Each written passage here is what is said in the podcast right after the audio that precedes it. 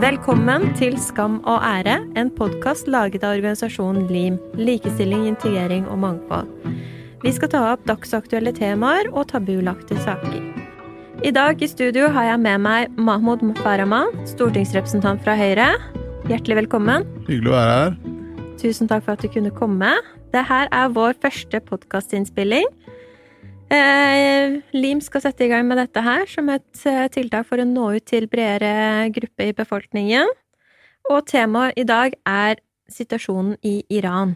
Når og hvorfor kom du og familien din fra Iran til Norge? Ja, når og hvorfor? Altså, dette med når er jo alltid et interessant spørsmål. Jeg forholder meg til bursdagene mine, egentlig. Jeg husker jeg feira første bursdagen min på et asylmottak i Hareid. Eh, da ble jeg vel Det er liksom dette her, da jeg begynte på skolen da jeg var seks. Jeg ble vel åtte eller ni. Så det var på mm. i 88, 80, ja, 87-88 måtte være. Der omkring. Eller 88, tenker jeg.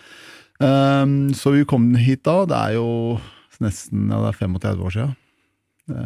Tida flyr når man har det gøy. uh, hvorfor vi kom hit? Nei, altså det, det er et godt spørsmål. Jeg har aldri gravd så veldig mye i det. Men mine foreldre hadde lenge tenkt på å reise ut av Iran. Eh, sommeren eh, før jeg begynte i andre klasse, så døde min far. Eh, og mamma valgte da etter hvert å planla godt og valgte å reise ut av Iran. Eh, mange, mange, ting man kan si. Eh, de var nok eh, på sett og vis politisk opposisjonelle. hadde et ulovlig trykkeri i kjelleren. Det var sånne ting. I tillegg til at mamma var alenemor med to barn i Iran. Mm. Det har også sin effekt på, på, hvordan verden ser ut fra innsiden av den uh, islamske republikken Iran slik den var da. Ja, da hadde jo akkurat revolusjonen starta. Ja, det var, da, altså, jeg er jo født september 79, så jeg er født liksom rett etter revolusjonen. Eh, 87 80, Altså, det, det, vi ofte glemmer å snakke om, er vi ser revolusjonen, og så glemmer vi alt som kom etter. Etter revolusjonen mm. så kom jo krigen. Ja. Eh, niårslang krig med, med, med Irak, Irak eh, med alt det konsekvensene det hadde. Og jeg husker jo godt når vi var barn, så ble jo byer bombardert med skuddmissiler, eh, jagerfly som fløy over huset vårt regelmessig. Så det var en pågående krig. Og det hadde jo også en effekt på, på både hvordan revolusjonen, altså ettertidens, altså revolusjonen i etterkant utvikla seg, men også på hvordan, hvorfor mange iranere valgte å reise fra Iran. Og en av grunnene hos oss var jo også krigen. Absolutt. Det er jo noe man glemmer. Om regimet klarte å bygge seg opp under krigen, få tillit og mm. alt dette her. Men uh, nå skal vi jo ikke snakke så mye om din fortid og alt dette her. Jeg tenkte heller å snakke om demonstrasjonene som skjer i Iran nå. Det er jo en stor forskjell på denne demonstrasjonen og de som har vært tidligere. Det, det er det, og du, du, du, sa noe interessant her uh, akkurat. Altså, de åtte årene med krig, det var nok det som redda eh, dagens styresett i Iran. Mm. Uten den krigen så tror jeg ikke eh, de hadde fått blitt sittende så lenge. Eh, løftebruddene var enorme, og det er det som leder meg til dagens situasjon. Altså Noe av det første de islamske republikken gjorde, eh, Khomeini, eh, som leder for revolusjon, og det, det han de facto ble etter hvert, og leder for Iran, eh, islamske republikken Iran, han, en av de første tingene de gjorde, var å innføre hijab-pålegg altså påbudt mm. med hijab for alle. Eh, og disse bildene fra Teheran i 19, 8. Eh, mars 1979, eh, tror jeg det er, yeah. de er ikoniske. Altså Dette er tre uker etter revolusjonen. Kvinnene var også ekstremt delaktige i revolusjonen i 79. altså slutten av 70-tallet var det da det begynte å 79 ble fullbyrda. Så gjeninntar kvinnene Irans gater, spesielt Teherans gater, og disse bildene der er evighetslange eh, demonstrasjonstog med kvinner i front og overalt, som demonstrerer, får sin rett til å velge å kle seg som de vil, og, og, og mot hijab-pålegget.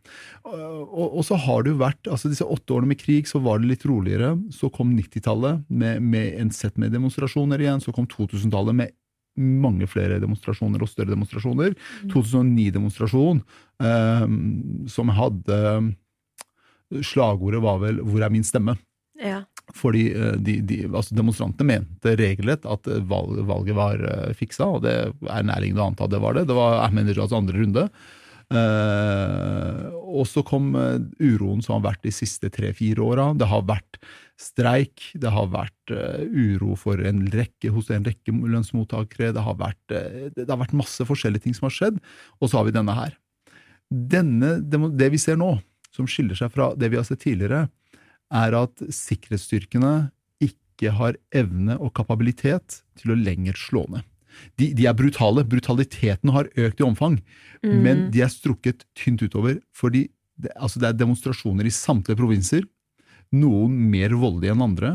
Det er uro i flere hundre byer. Eh, demonstrasjoner, og demonstrantene har gatene om kvelden og sikkerhetsstyrker om dagen osv. Eh, noe som gjør at sikkerhetsstyrkene, altså kjernen, dette, denne, dette antiopprørsstyrken til eh, revolusjonsgarden, er strukket ekstremt tynt mm. utover. Og derfor så ser vi også et enormt voldsbruk som jeg mener vi ikke har sett tidligere. Jeg er helt enig, og jeg ser jo at der, eh, jo flere byer befolkningen tar over, jo mer sliter regimet. De begynner å bare bruke mer og mer trusler i media mm, og mm, mm. prøver å skremme folk, for nå vet de at de ikke har den makta blant befolkningen.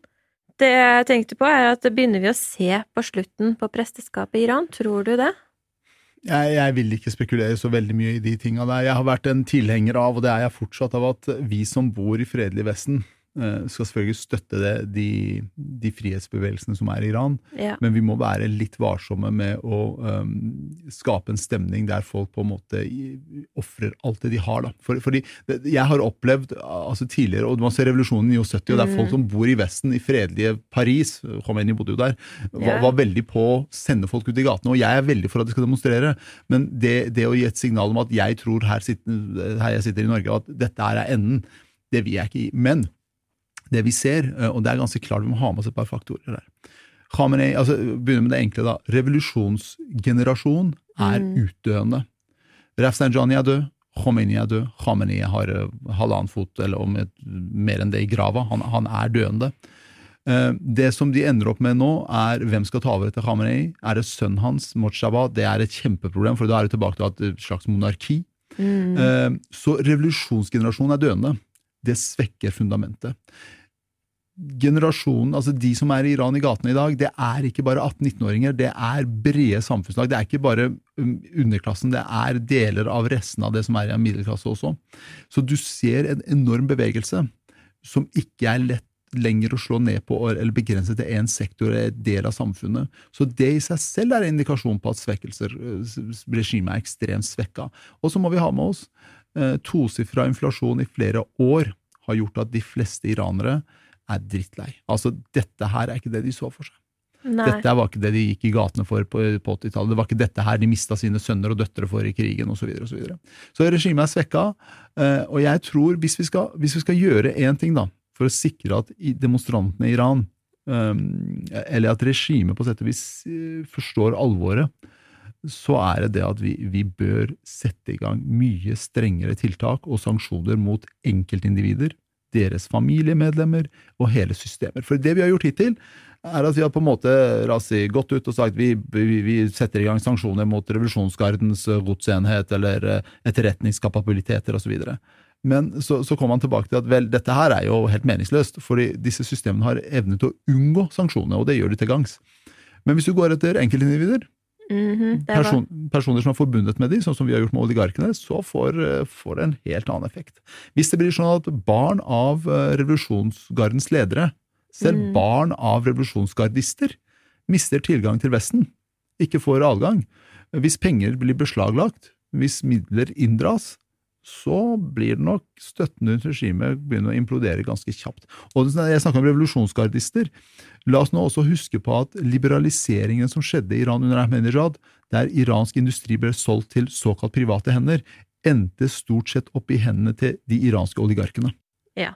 Det er jo også et av de tingene jeg tenkte å snakke om. Jeg vet jo at du har vært i media nå og snakka om en politisk forslag. Mm. Eh, med å begynne å se etter eh, revolusjonsbarna og mm. ta tak i eiendeler, eh, mm. økonomien deres, fryse kontoene deres, mm. som, som vi har gjort med de russiske. Det er jo et forslag som jeg også ser Canada og Tyskland begynner å se til, fordi det er mm. mange av deres barn og familiemedlemmer som bor i vestlige land. Mm. Er dette noe som du vil følge opp politisk? Jeg har en ambisjon om å for, følge opp politisk. Ja. Eh, og så må jeg bare si at jeg, jeg, man begynner med det enkle ofte. Og mm. det er å mm. gi et hint til departementet om at dette kommer gjennom et skriftlig spørsmål. Eh, skriftlig spørsmål går til departementet, og så må Utenriksdepartementet fortelle de, hvordan de ser på det. Eh, og så får man følge opp med et politisk forslag. Det som jeg må si er litt sånn Ikke irritert eller provosert, men jeg er litt sånn overraska over, mm -hmm. er at mange sier at dette er inhumant, dette er forkastelig. Nei, altså det å forfølge penger er ikke forkastelig. Det å forfølge eh, forflytning av store midler som tilhører iranske folk, er ikke forkastelig. Det som er forkastelig, er å sitte og se på iranske ungdommer bli slakta av mass, for det er det som skjer. Det er nettopp det som skjer. Jeg syns det er helt forkastelig å sitte her i Vesten og føle meg helt hjelpeløs når jeg vet at min generasjon, er, flere generasjoner, er ute i gatene og blir slakta. I tillegg vet jeg jo at eh, ja, jeg har stått og hatt demonstrasjoner, men det er så lite jeg får gjort med disse demonstrasjonene. Man må begynne å gjøre dette her politiske arbeidet, sette press på regimet, eh, og det gjør man ikke bare med å fordømme. Her syns jeg du har kommet med en god, konkret forslag som du skal prøve å følge opp, eh, ambisjoner om å følge opp politisk? Ja, det, det har jeg. Og så er det litt sånn Jeg tror ikke vi skal ta for gitt det, det, det, vi gjør her heller. Altså det du gjør, og det Lim har gjort, og det andre har vært med å bidra til med å skape oppmerksomhet rundt saken i Iran er ganske viktig. Fordi jeg er egentlig ganske overraska over at folk vet så lite. Mm. Svaret fra vår kjære utenriksminister ga veldig god indikasjon på, på hvordan Utenriksdepartementet opplever Iran. Svaret hennes på et skriftlig spørsmål som jeg sendte, og hun for så vidt uttalt i mediene, er at hennes største, hun er uroa over voldsbruken i håndhevelsen av hijab-påbudet. Og så tenker jeg, Det er jo nesten som å si at jeg er uroa over at Taliban skyter etter jenter som går på, som går på skolen, og ikke selve skoleforbudet. Altså Det er skoleforbudet Taliban vi har et problem med. Voldsbruken er jo konsekvens av en lovverk som er iverksatt. Det er det samme her. Konsekvensen av et forbud eller påbud er at man bruker massivt vold for å håndheve det. Og, og, og, det, og, så må jeg si at det er jo ikke sånn at Anniken Huitfeldt sitter og skriver svarene sjøl. Det kommer fra byråkratiet i departementet. Absolutt. Så jeg er litt i stuss. Uh, og så må jeg, nå, nå, blir det en digresjon her, så jeg må bare få sagt det. Selvsagt. Uh, lederen for tidligere leder, nå skal jeg ikke nevne navnet hans, for en militær enhet, var i NRK her for uh, halvannet år siden, tror jeg det var, ett år siden, på en nyhetssending, og skrøt veldig av Norges tilstedeværelse i Jordan. Og hvordan det, dette samarbeidet med jordanerne ga oss god innsikt i, i regionen. Jeg må da si at jeg hadde revurdert hvem som jobber med ambassaden, og hvilken innsikt det gir, hvis man tror at det er håndhevelsen av hijab-påbudet i Iran som er problemet. altså. Ja, det er bare en liten ting. Det er akkurat som når jeg får høre at eh, ja, men kan ikke de iranske damene som ikke vil ha på seg hijab, reise ut av landet? Og det er sånn Å ja, det er ikke det her som er problemet. Kvinner har ikke lov til å forlate landet. Nei, nei, nei. De har ikke det. Og jeg har, jo, altså, jeg har jo en tante som har kommet hit på besøk innimellom. Eh, så lenge mannen hennes levde, så må jo hun ha underskrift av mannen. Uh, og, og det, det, det, du kom, det, du sier der, er ganske interessant, for det utsagnet du, du, sier der, er jo også ting som har blitt uttalt av annet kvinnelige ledere for dette moralpolitiet. Husker vi bo i det landet mitt sånn som det er, så får du bare flytte ut, ja. sier de. Og det er liksom sånn uh, jeg, jeg, jeg, forstår noe av den retorikken som på en måte føres av hvorfor kan de ikke bare flytte på seg, altså, som, som, om Iran er en del av et sånt større EØS-samarbeid og det er fri bevegelse av mennesker og penger. Det er ikke sånn verden fungerer utenfor Europa. Noe annet jeg lurer på, Har du hatt noe erfaring med moralpoliti i Iran? Eh, om jeg har hatt personlig altså, Moralpolitiet i dens form ble oppretta nå for Det er ikke så mange år siden det ble oppretta i dens form. altså Vi hadde noe som het, vi kalte for uh, det de kaller altså Basij-militsen var der, disse ja. komiteene var der. Ja, ja, ja, det har jeg. Jeg husker vi kjørte når vi kjørte for eksempel hjem fra uh, samvær eller fester hos familie og venner. Så var sto det jo De hadde jo poster i gatene der de sjekka mm. biler og lukta på ånden din og så på deg i øya. Og, ikke sant? Sånn var det jo i mange år. Uh, at de gikk gatelangs og passet kvinnelige moralpolitimedlemmer. Uh, gikk jo rundt i gatene og passet på hijab-tildekning av kvinner, husker jeg, fra, på, på 80-tallet. Uh, eh, og jeg har familiemedlemmer som selv har hatt noen erfaringer med, med denne, disse gruppene. Da. Jeg selv som gutt, 6-7-8, har ikke det. Altså, jeg husker jo ble tvunget til å ha sånn på, pålagt bønn på skolen og sånne ting. Så, men, men, ja da, de, de tinga har jeg opplevd, men ikke altså det vi ser nå det er jo eh, det, det, det, har tatt det, det er blitt ekstremt mye mer voldsbruk. Mm. Tidligere så var det stygge i munnen, nå er det voldsbruk eh, statssanksjonert sådan. Nei, det, de har blitt verre og mer grovere. Ja. Jeg sjøl husker at det, ja, de kunne slå også, det har blitt slått, men eh, de var mye frekkere i kjeften. Ja. Nå er de faktisk voldelige og utsetter folk for drap, rett og slett. Hva tenker du og ønsker for iranske folket nå? For iranske folket Nei, det altså Man kan godt uh, se for seg kan, Jeg kan godt si alt det jeg kunne ha tenkt meg, men jeg tror det er det, det, altså, det man trenger i Iran, er et endring. Endringa må være ganske betydelig. Mm. Uh, så jo da, selvfølgelig så ønsker jeg endring, men endring til et uh, liberalt stabilitet, for å si det sånn. Ja. Fordi Iran har i løpet av, la oss si helt siden Nader Shah, det er jo noen hundre år siden, uh, persiske Napoleon som han ble kalt, med alt det medfører. Uh, altså Siden da så har vi vært prega av mer eller mindre uh, elendig styresett. Qajarene var et katastrofe. Så kom Pahlaviene, Pahlavi-dynastiet. Man kan si mye om det, men de prøvde iallfall å bygge opp eh, Iran. Og Pahlavi var mer nasjonalistisk enn noe annet. Han var ikke mm. veldig vestligvennlig som alle har fått det for seg.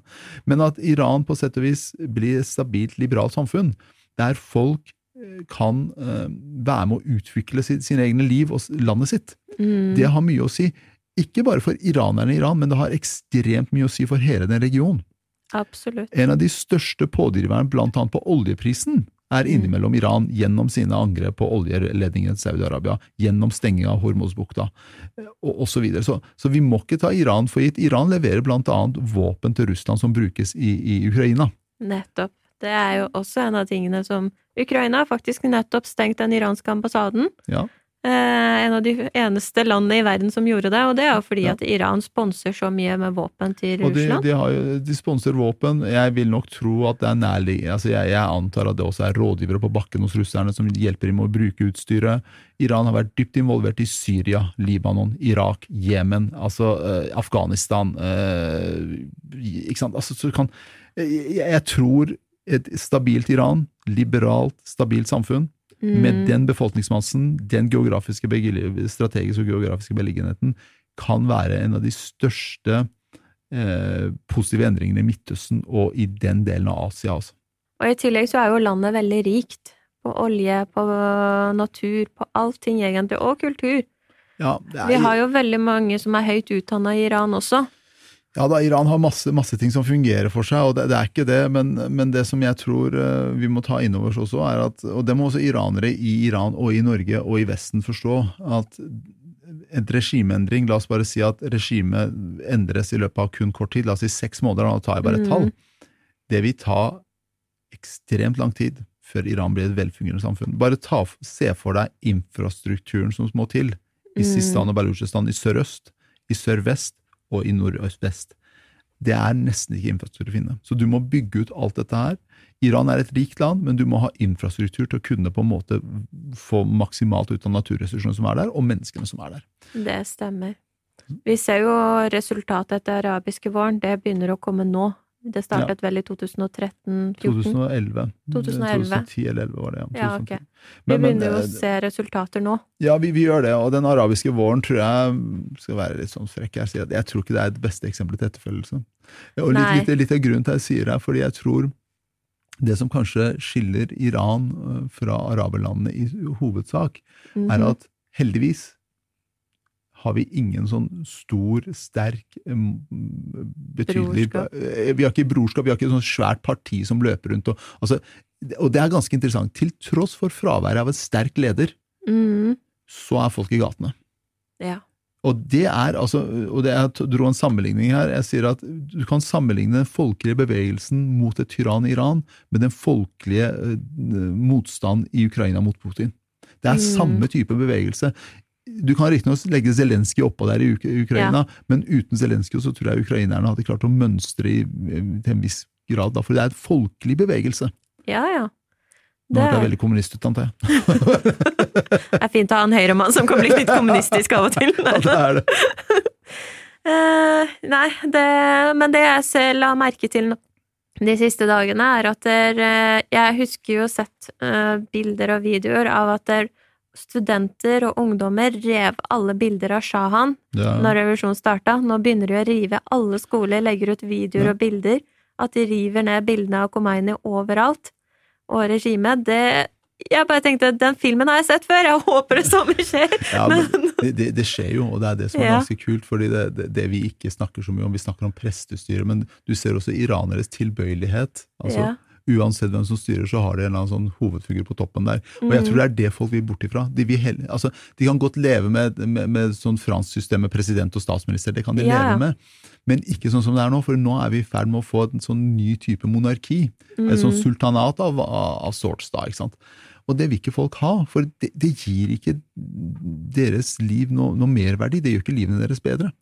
Og det, det tror jeg vi, vi ikke skal forsømme. Og jeg må si at jeg er veldig sånn um, overraska over igjen som jeg sa innledningsvis, overraska over det fraværet av forståelse for det iranske samfunnet som vi ser i Norge.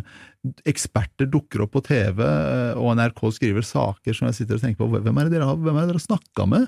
NRK skrev, sak, NRK skrev en sak eh, 28. september, der de beskrev Iran som et splitta samfunn, for der hadde du folk som var i gatene og revolusjonsgardistene som var på andre sida.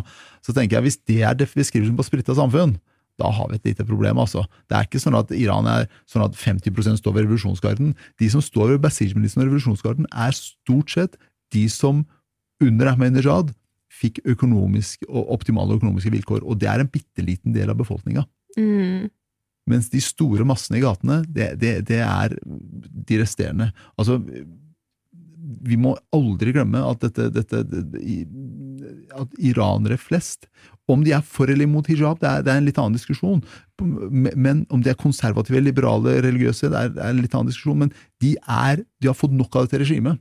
Yes. Fra de mest konservative i, i, i Sørøst-Iran til de mest liberale i Teheran Mm. er ute i gatene og demonstrerer. Det er et godt poeng å få med, faktisk. Eh, Jeg har også lagt merke til at mange har uttalt seg at det, og det er så splitta grupper. Til og med når det er demonstrasjoner i Norge, så er de så splitta. Jeg har faktisk aldri sett så mye samhold. Til Nei, tross for at vi er fra Midtøsten og har veldig mye egen agenda. Til, Så har vi aldri tross- stått så mye samla. Og, og så la oss si at selv om det Iran, iranske samfunnet er fragmentert i Norge også, Ja, det er også et godt tegn på at man kan få på plass et velfungerende mm, flerpartidemokrati. Nettopp. Eh, og så må nok også iranere, og det har iran, iranere også deres, altså, si, oppdras til å forstå verdien av dette. Mm. Eh, og det spørsmålet jeg har stilt noen iranske bekjente, er jo også er iranere i Iran i stand til å um, håndtere et fullverdig demokrati, slik vi kjenner den i Vesten, eller vil de finne en annen løsning? Ja, Som er en mellomting mellom systemet vårt og systemet de har i dag. Jeg tror det kommer til å bli en mellomting, det vet vi aldri. Nei, nei. Men vi må vel begynne å runde Ja. av. Eh, hva tenker du om eh, Masa Amini sin sak, og hvilket symbol er hun? Nei, altså jeg tror eh, det, det, finnes titalls Masa Aminier i Iran. Det er de tallene altså vi, vi ser bare nå at det, det er flere og flere som står fram. Jeg, jeg tror Masa Amini er blitt et symbol, Mm. sånn som, litt sånn som Rosa Parks, Ja. um, for, en, for, for iranske folket. Mm. Jeg, jeg tror begeret er fullt, Yes. eh, og Mahsa ble den, den, den, den dråpa, så, så utløsende dråpen. Og det jeg tror eh, vi, vi må være klar over at eh, Dessverre så tror jeg ikke det stopper nå. Jeg tror vi kom, må være forberedt på, og, og, og det gjelder iranere spesielt, altså det er et klart Mhm. budskap til de nå, at vi må gjøre som ukrainerne, vi må være til stede, vi må holde saken i live til endringer har funnet sted. Støttemarkeringer er viktig, men vi må også være villige til å blant annet gjøre sånn som ukrainerne, se om vi skal sette opp spleiser og annet. Mm. Ikke for å gi, kjøpe våpen, det er jeg ikke for, Nei. men for å gi støtte til, til leger som er på bakken, som hjelper de som blir skutt daglig, til å gi støtte til de som er ute og streiker, osv. Det hadde vært en hjelp. Ja. Direkte hjelp. Jeg er ikke for væpna revolusjon, det, og det tror jeg ikke er Der løsninga for iranere. kommunisten i deg. ja, det er, det er i deg. Men, men jeg tror vi må være beredt på, på, på å støtte iranere i Iran, og så er det å finne systemer å gjøre det på. Selvsagt. Tusen hjertelig takk for at du kom her i dag og tok eh, deg tid til å snakke om så viktig tema. Takk, Jeg ønsker deg lykke til eh, med arbeidet ditt videre. Takk. Hyggelig å være her. Takk for at jeg fikk lov til å komme.